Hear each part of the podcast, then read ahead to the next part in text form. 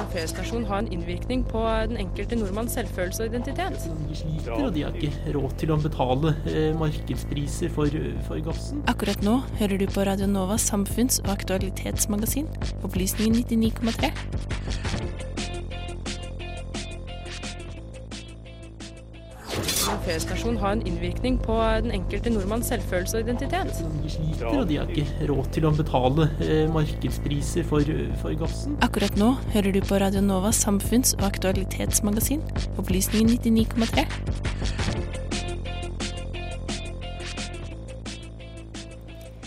Fredag 25. januar ble den 35 dager lange statlige shutdown i USA avsluttet med en midlertidig avtale. I dag er fristen for å komme fram til en ny avtale som skal sikre statlig finansiering i landet. Trump har under hele perioden krevd at det skal kunne bevilges penger til en grensemur mellom USA og Mexico. I studio har vi, har vi fått besøk av Tor Steinhovden, eh, kommunikasjonssjef i Tankesmien Agenda og tidligere arbeider ved både den amerikanske ambassaden i Oslo og det norske konsulatet i San Francisco. Velkommen til oss. Takk for det. Først lurer jeg på om du kan fortelle litt hva en shutdown egentlig er? Ja, altså I bunn og grunn så er en shutdown når staten stenger ned fordi den ikke har budsjett til å drive videre. Og i sånn som amerikansk politikk er lagt opp i dag, så må Kongressen med jevne mellomrom vedta sånne budsjett. Så det er nesten én gang i året nå etter hvert. Um, og det har med at de ikke klarer å bli enige om mer langsiktige budsjett. Det som òg skjer til slutt, er at presidenten må signere de budsjettene for at de skal bli vedtatt. Og det som har hendt de siste sånn to-tre gangene under Trump, er at han har godtatt at Kongressen ikke legger inn penger til bygging av muren i de budsjettene, og har på en måte gitt seg, da, når, uten å egentlig lage noe stor konflikt ut av det. Og Det var òg tilfellet nå eh, før jul. Da hadde han tenkt å skrive under på et budsjett uten eh, penger til muren. Så, sa, så, innså da han etter mye press fra sin ytre høyre fløy at det her var kanskje en av de siste mulighetene han hadde til å sette hardt mot hardt, og bestemte seg derfor for å ikke skrive under på den uten at det kom penger inn. Og da har ikke de statlige departementene som nå ikke da hadde eh, budsjett, unnskyld, de hadde ikke da penger til å drive videre. Og etter jul så begynte man å se følgene for det, for da gikk man tom for penger i de departementene. Så det var snakk om rundt en fjerdedel av staten da som ikke hadde rett og slett penger til å drive videre.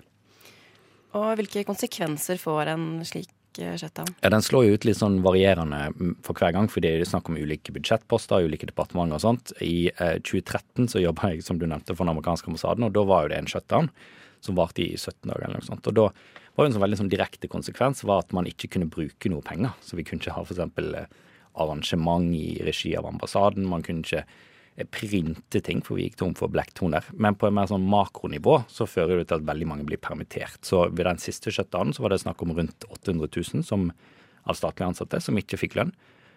Og det er òg eh, de som leverer tjenester til staten, som er på kontrakt osv., de får heller ikke lønn. Eh, I tillegg så vil museum stenge, nasjonalparker.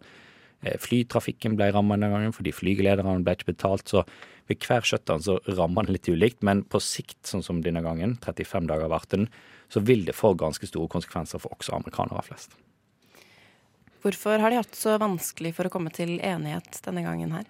Ja, det er jo, for det første er jo det snakk om et mye mer langsiktig bilde med amerikansk polarisering og hvor lite konstruktivt ordskiftet har blitt. Men så var det jo da denne spesifikke gangen at Trump bestemte seg for å sette hardt mot hardt, fordi det kom et nytt demokratisk flertall inn i Kongressen, altså i huset i Kongressen, i januar. Og det var da eh, første gang han ikke har hatt flertall i begge kamrene i, i, sine perioder.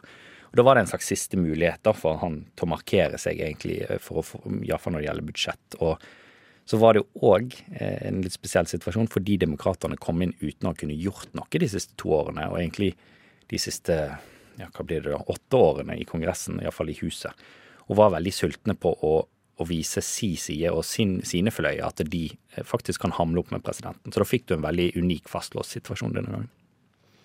Mm. Men nå har det jo eh, endret seg litt. Fristen var i dag, eh, og i går fikk vi vite at Trump vil erklære nasjonal krise. Hva, hva, skjer nå? Ja, hvor skal man begynne? Um, altså For det første så har de faktisk blitt enige om et budsjett, så det blir ingen shutdown. Og det er jo en, en god nyhet her.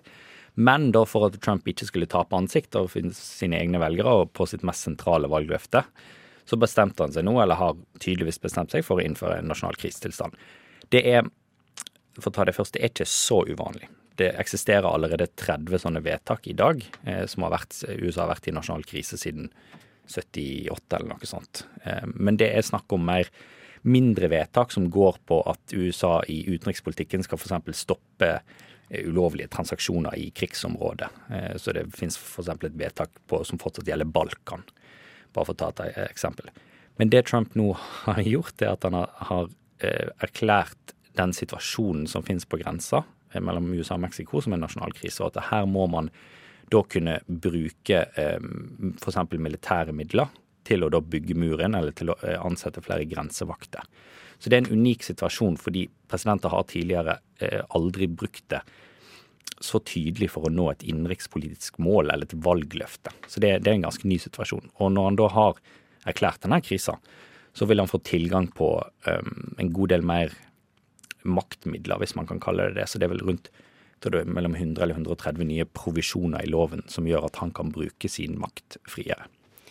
Og hvordan vil det kunne påvirke hans eh, gjennomslagskraft, om du kan kalle det det? Altså det Hele vedtaket er jo laga for at han skal få mer gjennomslagskraft. Eh, la oss si etter eh, 11.9, når det ble erklært nasjonal krise, så må en president kunne handle ganske raskt eh, uten å konsultere med Kongressen.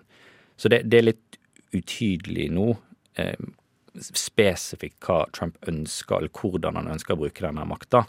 Eh, for en del av den loven sier at han skal melde til Kongressen hvordan han skal bruke makta. Og det har ikke han gjort enn så lenge. Men det vi tror, er at han kommer til å eh, ta rundt 8 milliarder dollar fra budsjettene, fra andre budsjett, til å da begynne å bygge mer på, på muren. Trump har jo lovet denne muren i flere taler eh, lenge. Blir det noen mur til slutt, tror du? Det som nå mest sannsynlig kommer til å skje i denne situasjonen her, er at eh, Trump erklærer nasjonal eh, krise. Og så sier demokratene, eller demokratene i huset, at vi ønsker å override. Altså vi skal, vi skal vedta at det vedtaket ikke kan stå. Da må Senatet også stemme over det. Der er det ikke demokratisk flertall, men man tror at kanskje får de nok republikanere med seg til at de sier at det her har du faktisk ikke lov til. Det blir veldig teknisk, men da må òg presidenten, siden det er en lov, skrive under på det. Og han har vetomakt til å si nei, så det blir litt sånn fram tilbake. Og man tror ikke at republikanerne, nok republikanere i Senatet går med på å eh, igjen si at det vetoet er ugyldig. Så det blir kort fortalt, det blir litt fram og tilbake igjen. Så vil det mest sannsynlig òg havne opp i rettssystemet, som gjør at selv om han nå har erklært det her, så er det ikke sikkert han kan begynne å bygge den muren likevel. Så det her er nok bare starten på en masse lengre saga, eller et nytt kapittel da i sagaen Trump. Det blir spennende å se hvordan dette utvikler seg. Tusen takk for at du kom til oss. Takk for meg.